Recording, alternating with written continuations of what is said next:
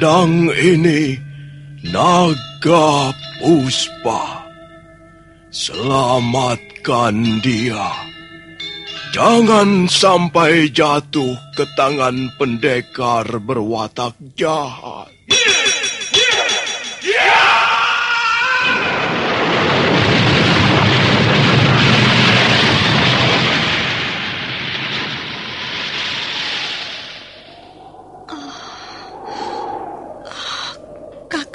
Kamandanu, kau, kau masih juga tidak percaya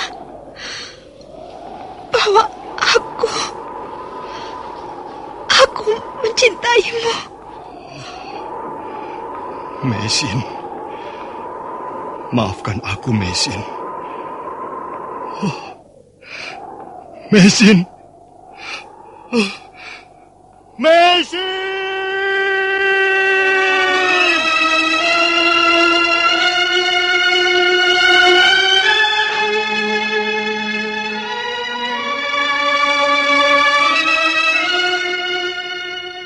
Tutur Tinula.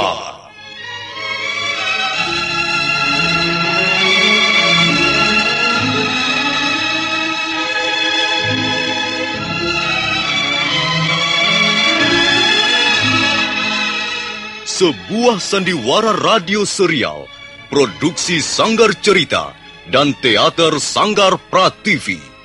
Sebuah kisah dengan latar belakang sejarah runtuhnya Singasari dan berdirinya Kerajaan Majapahit.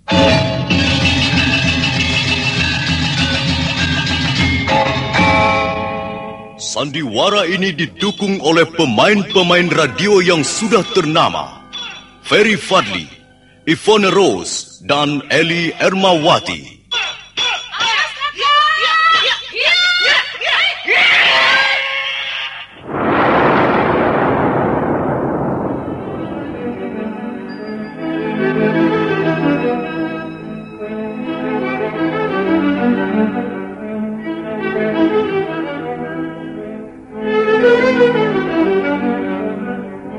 Cerita ini ditulis dan disusun oleh S. Tijab.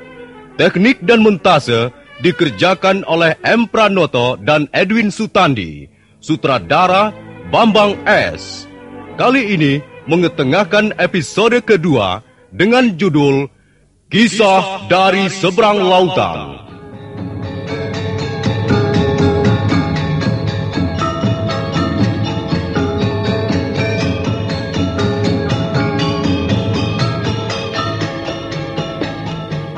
Dalam seri yang ke-31 ini didukung oleh para pemain. Wahyu sebagai Mengci, Dibyo sebagai Wong Chow, Ape Burhan sebagai Chanpi, Asdi Suhastra sebagai Empu Ranubaya, Yoko sebagai Kaisar Kubilai Khan, Armando Nida sebagai Panglima Kausing, Benny sebagai Panglima Sipi, dan Nusri pembawa cerita. Selamat menikmati.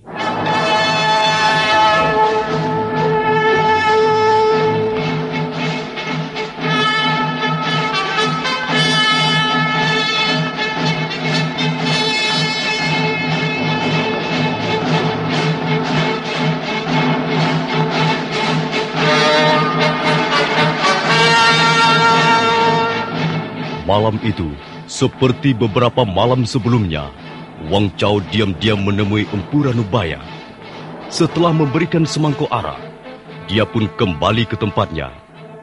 Tapi malam itu, dia tidak sadar bahwa ada dua pasang mata sedang mengamati perbuatannya. Allah, sudahlah Pak Tua, jangan bertanya macam-macam. Aku tidak bisa lama-lama di sini. Minumlah alat itu untuk menghangatkan tubuhmu. Ah, ya. Terima kasih anak muda. Aku memang membutuhkan minuman ini. Udara malam ini terlalu dingin.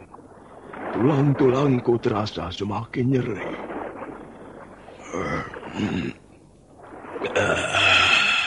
Nah, aku harus kembali ke tempatku. Iya, iya. Hati-hatilah anak muda.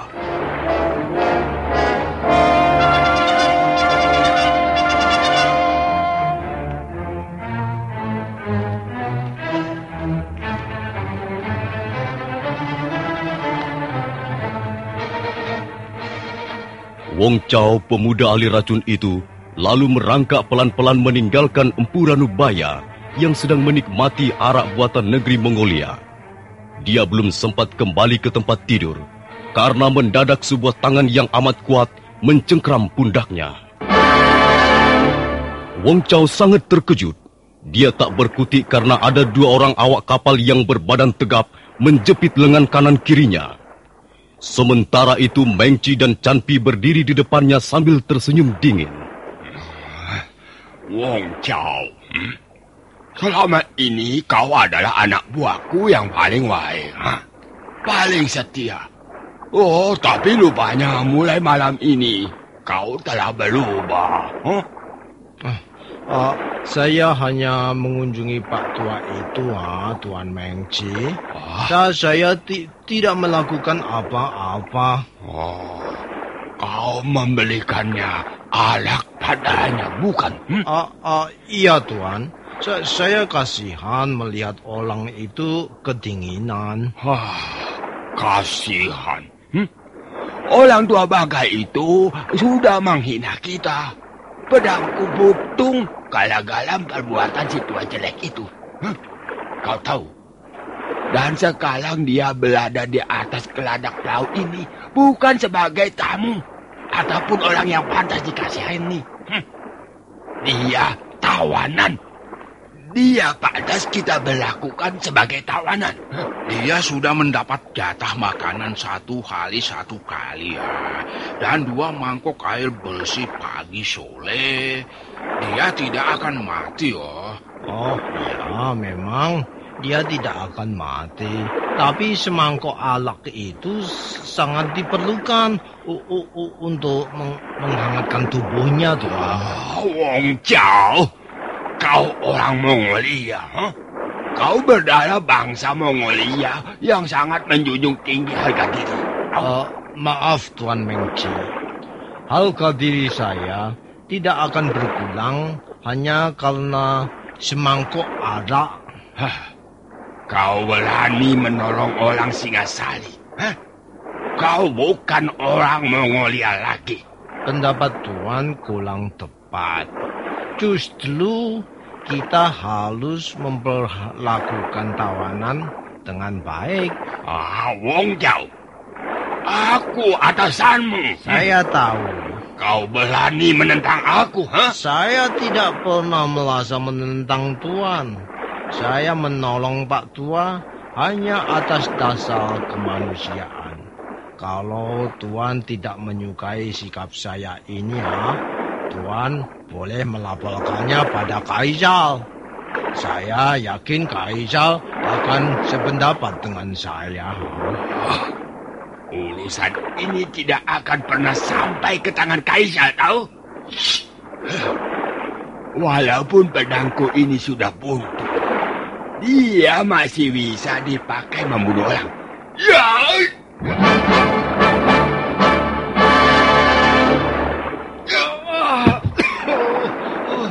Tuan, oh, Tuan, ah, Tu, tu- tuan, dia mati oh. Dia mati. Ah, Lebih baik dia mati, daripada nanti akan membuat kesulitan di depan Kaisar. Ayo cepat, lemparkan mayatnya ke laut. Dua orang awak kapal yang berbadan tegap dan kekar segera meraih Wang Chow yang sudah menjadi mayat. Kemudian bersama-sama melemparkannya ke laut. Dan sebentar kemudian, tubuh berpakaian sutra itu pun sudah tidak nampak lagi. Chan Pi menggigil melihat salah seorang sahabatnya harus mati dengan cara seperti itu. Wong Chow, kasihan kau Wong Chow.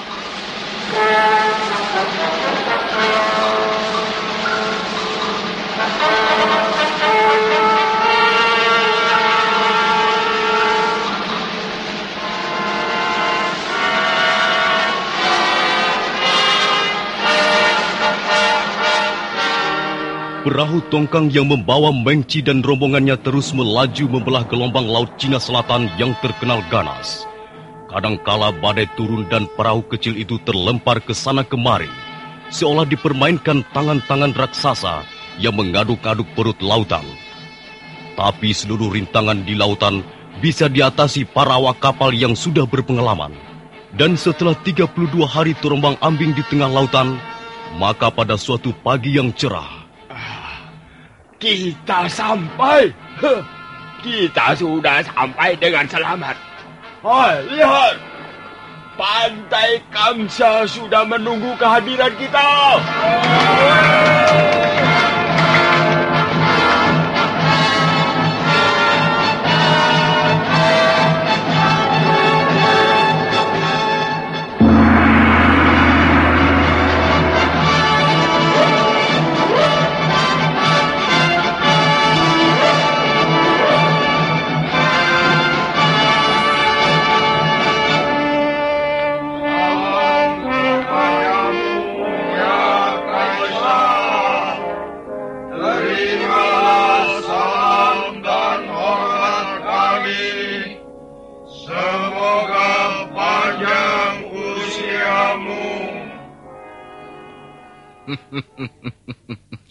Ya, duduklah kalian semua dengan baik. Nah, kita berkumpul di sini hari ini untuk mendengar laporan dari Panglima Sipi. Nah, mari kita dengarkan laporan itu. Silakan Panglima Sipi. Ah, ampun Kaisar. Hamba hendak melaporkan tentang perwira hamba yang baginda utus ke negeri Jawa. Hmm. Sudah hampir tiga bulan lamanya. Mengci kuutus ke kerajaan Singasari. Bagaimana? Apakah sudah ada beritanya? Ah, ampun baginda Kaisar. Sekarang ini Mengki sudah berada di Wisma para perwira kerajaan Mongolia. Oh, jadi dia sudah kembali dari tanah Jawa, ha? Ampun baginda. Utusan baginda sudah sejak semalam menginjak kembali daratan Mongolia. bagus, bagus. Aku ingin segera mendengar kabar dari Singasalio. Aku ingin tahu hasil dari perjalanannya sebagai duta. Nah, panggillah Mengci kembali. Daulat baginda.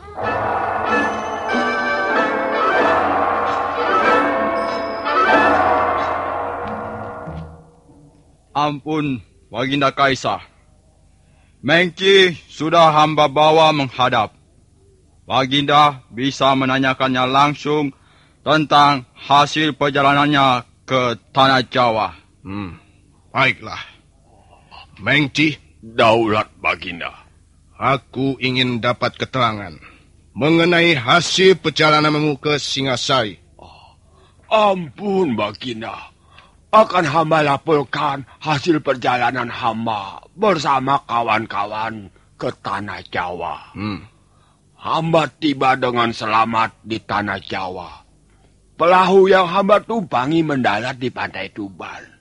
Ah, kemudian hamba langsung menuju istana Singasari yang sekarang ini dikuasai oleh Prabu Kertanegara. hmm. Lalu surat itu sudah kau sampaikan pada Prabu Kertanegara, oh? Ah, ah, ampun Baginda. Surat sudah hamba sampaikan langsung ke tangan Raja Singasari. Bagus, bagus. Lalu mana balasannya? Oh, ampun Baginda. Surat walasan itu terpaksa tidak dapat hamba pelore. Hmm. Mengapa bisa begitu, Mengci? Ampun Baginda. Nampaknya Raja Kertanegara tidak menyetujui isi surat yang Baginda kirim untuknya. Kalau dia tidak setuju isinya, dia bisa menulis surat balasannya. Iya, memang seharusnya begitu Baginda. Tapi Raja Singasari yang sekarang ini agak berbeda. Hamba membuktikan sendiri bahwa Kertanegara bukanlah raja yang bijak dan pantas dihargai Baginda. Mengci, kau jangan bicara sembarangan, Mengci. Kau harus bicara atas dasar dan bukti-bukti. Oh, ampun Baginda. Justru hamba akan membebelkan pengalaman hamba yang tidak begitu menggembirakan selama berada di Singasari. Mungkin Baginda dan semua yang hadir di balai persidangan ini masih dapat melihat apa yang terpahat di wajah hamba. Ada apa dengan wajahmu, Mengci? Ah, inilah perbuatan Raja Singasali itu, Baginda. Dia bukan saja tidak setuju isi surat, tapi dia juga memaki-maki hamba Hamba berusaha membela harga diri dan kehormatan hamba sebagai utusan bangsa Mongolia. Oh, tapi inilah akibatnya, Baginda.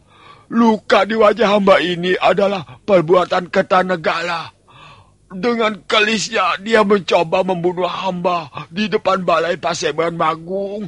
Uh, untung hamba bisa menangkis. Hingga ujung kelis itu hanya menggoles wajah hamba dan tidak sampai membunuh hamba, Baginda.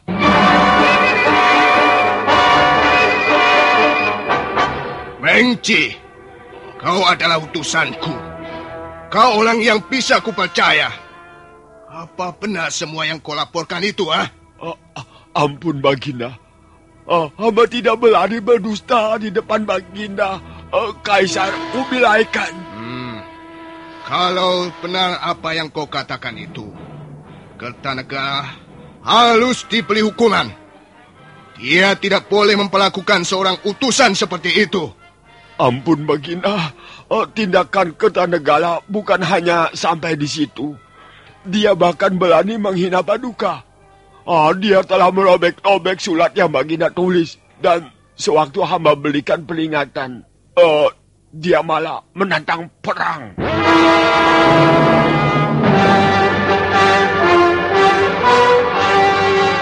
Ah, Kertanegara berani menantang perang padaku.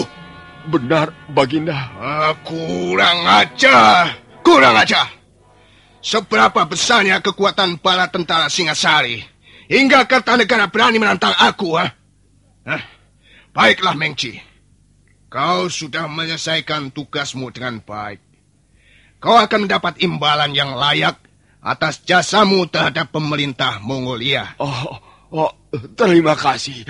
Terima kasih atas kemurahan hati Baginda.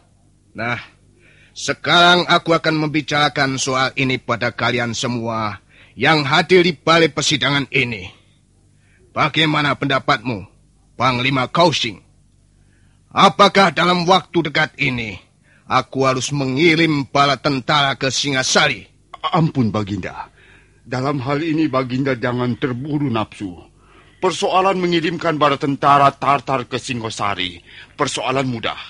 Tapi hendaknya Baginda bersikap waspada. Ucapan Ketanegala dan sikapnya itu jelas menunjukkan kesombongan yang perlu mendapat pelajaran. Benar, Baginda. Baiklah, hamba akan mengemukakan pendapat hamba. Tapi sebelumnya hamba ingin menanyakan pada perwira Menci tentang satu hal. Uh, silakan. Oh, Menci. Ya, kami percaya apa yang telah kau laporkan pada Baginda Kaisar Kubilai Khan. Tapi kami juga minta bukti-bukti.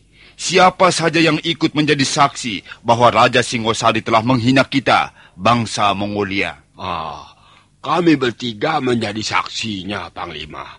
Saya sendiri dan dua orang anak buah saya. Oh, Chanpi dan Wong Chao. Hmm. Chanpi, hmm. saya lihat hadir di sini. Mana Wong Chao? Ah, maaf Panglima. Wong Chao tak bisa hadir karena uh, telah meninggal di perjalanan. Hai, sayang sekali. Bagaimana Wong Chao bisa meninggal di perjalanan? Ha? Oh, begini, Panglima. Waktu itu pelaut kami baru dua hari meninggalkan pantai Tuban. Oh, saya sudah berulang kali memperingatkan agar awak kapal jangan terlalu banyak minum. Oh, karena keadaan air laut tidak menentu. Oh, kadang kala tenang, kadang kala berubah banyak gelombang. Oh, Wong Chao orangnya agak keras. Dia secara diam-diam minum arak sampai 10 mangkok. Sedangkan jatah yang kami belikan hanyalah tiga mangkok untuk satu orang. Ah, mungkin karena mabuk itu, ah, dia kurang kasih imbangan. Hingga waktu berada di bulitan perahu, dia terjatuh, Panglima. Ah, ah, maaf, Panglima. Oh, saya sendiri tidak melihat peristiwanya. Ah, saya hanya segala ah, memeriksa seluruh anak buah. Dan ternyata Wong Chow tidak ada lagi bersama kami. Oh, saya lalu mengambil kesimpulan bahwa Wong Chow telah tercebur ke laut. Oh, begitulah ceritanya, Panglima. Oh, apa benar yang diceritakan oleh perwira Mengci? Coba berilah keterangan sedikit, Tanpi. Ah, ah, oh, benar, Panglima. Waktu itu memang tengah malam dan sebenarnya bukan hanya Wong Chow yang mabuk. Oh, tapi dia minum paling banyak. Oh. Wah, benar. Ah, dia minum terlalu banyak. Dia memang kelas kepala. Hmm. Tak ada lagi yang bisa kau katakan, Tanpi. Ah, ah, oh, eh, tidak, Panglima. Waktu itu saya juga tidak melihat peristiwanya. Saya sudah hampir tidur di geladak uh, di geladak depan bersama teman-teman yang lain. Oh. Nah, hmm. sekarang aku mau tanya. Apa benar Prabu Kartanegara telah menghina kalian? Oh ya, benar Panglima benar. Ah, apa yang dikatakannya coba? Ah. Dapatkah kau mengingat-ingat sepatah atau dua patah kata? Ah, kalau tidak salah, Kartanegara berkata begini. Kalau kalian tidak senang, kalian laporkan pada Kaisar loh. Ah, aku tidak akan gentar menghadapi bala tentara Tartar. Cukup. Kukira tak perlu lagi bukti. Kertanegara memang perlu dihukum berat. Dia mempunyai dua kesalahan pada bangsa Mongolia. Pertama, dia telah berani menghina utusanku, bahkan melukainya. Dan kedua, dia telah berani melupek-lupek suratku, yang berarti menantang perang. Ampun, Waginda. Barangkali masih ada satu hal lagi yang ingin dilaporkan oleh perwira Mengci. Tentang orang tua, orang Singasari yang ikut terbawa pelahunya ke negeri kita. Hmm, aku juga mendengar tentang itu. Tapi belum begitu jelas. Nah, bagaimana orang itu sampai terbawa kemari? Apa kau sengaja membawanya, Mengci? Oh, oh ampun, Baginda. Kami semua juga tidak tahu. Oh, tiba-tiba saja orang tua itu sudah berada dalam perahu kami. Oh, kami lalu mencurigainya sebagai mata-mata dari Singasari. Dan akhirnya kami bawa saja sekalian pulang ke Mongolia. Ah, kami pikir barangkali orang tua itu bisa dimanfaatkan keterangannya, Baginda. Hmm. Keteranganmu cukup masuk akal juga, Mengci.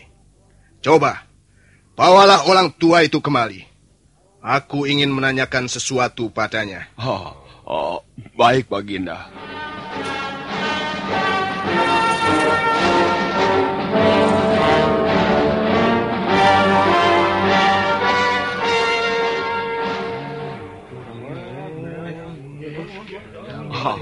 Oh, ini orangnya, Baginda. Hmm, baik. Coba Suluh dia lebih dekat kemari. Oh, ayo mendekat Pak Tua. Oh, maju lagi dua langkah dan berlutut di hadapan Baginda Kaisar Bubilaikan. Huh? Tidak. Aku di sini saja. Dan aku tidak mau berlutut. Eh, orang tua, berlutut. Oh, kau tahu sedang berhadapan dengan siapa sekarang ini, ha? Ayo berlutut. Ah, sudahlah. Biarkan saja dia di situ. Nah, Tuan, siapa nama Tuan? Tuan Kaisar bertanya pada saya. Ya, aku ingin tahu nama Tuan. Hmm. Ranu Bahaya. Hmm. Bagaimana Tuan bisa sampai ke negeri kami ini? Hmm. Barangkali Mengci sudah menceritakan semuanya pada Tuan Kaisar. Karena itu tak ada perlunya saya memberikan keterangan lagi. Saya kira keterangan Mengci sudah lengkap. Baik, baik. apakah benar Tuan adalah mata-mata kerajaan Singasali? Apakah Mengci berkata begitu? Bahwa saya adalah mata-mata Singasari? Tuan halus menjawab pertanyaan saya. Bukan sebaliknya ganti bertanya, oh. Kalau saya dipaksa menjawab, baiklah. Bukan. Saya bukan mata-mata. Tuan tahu tentang kerajaan Singosari? Tidak. Tuan bisa memberikan keterangan sedikit tentang Kertanegara. Raja Tuan? Tidak.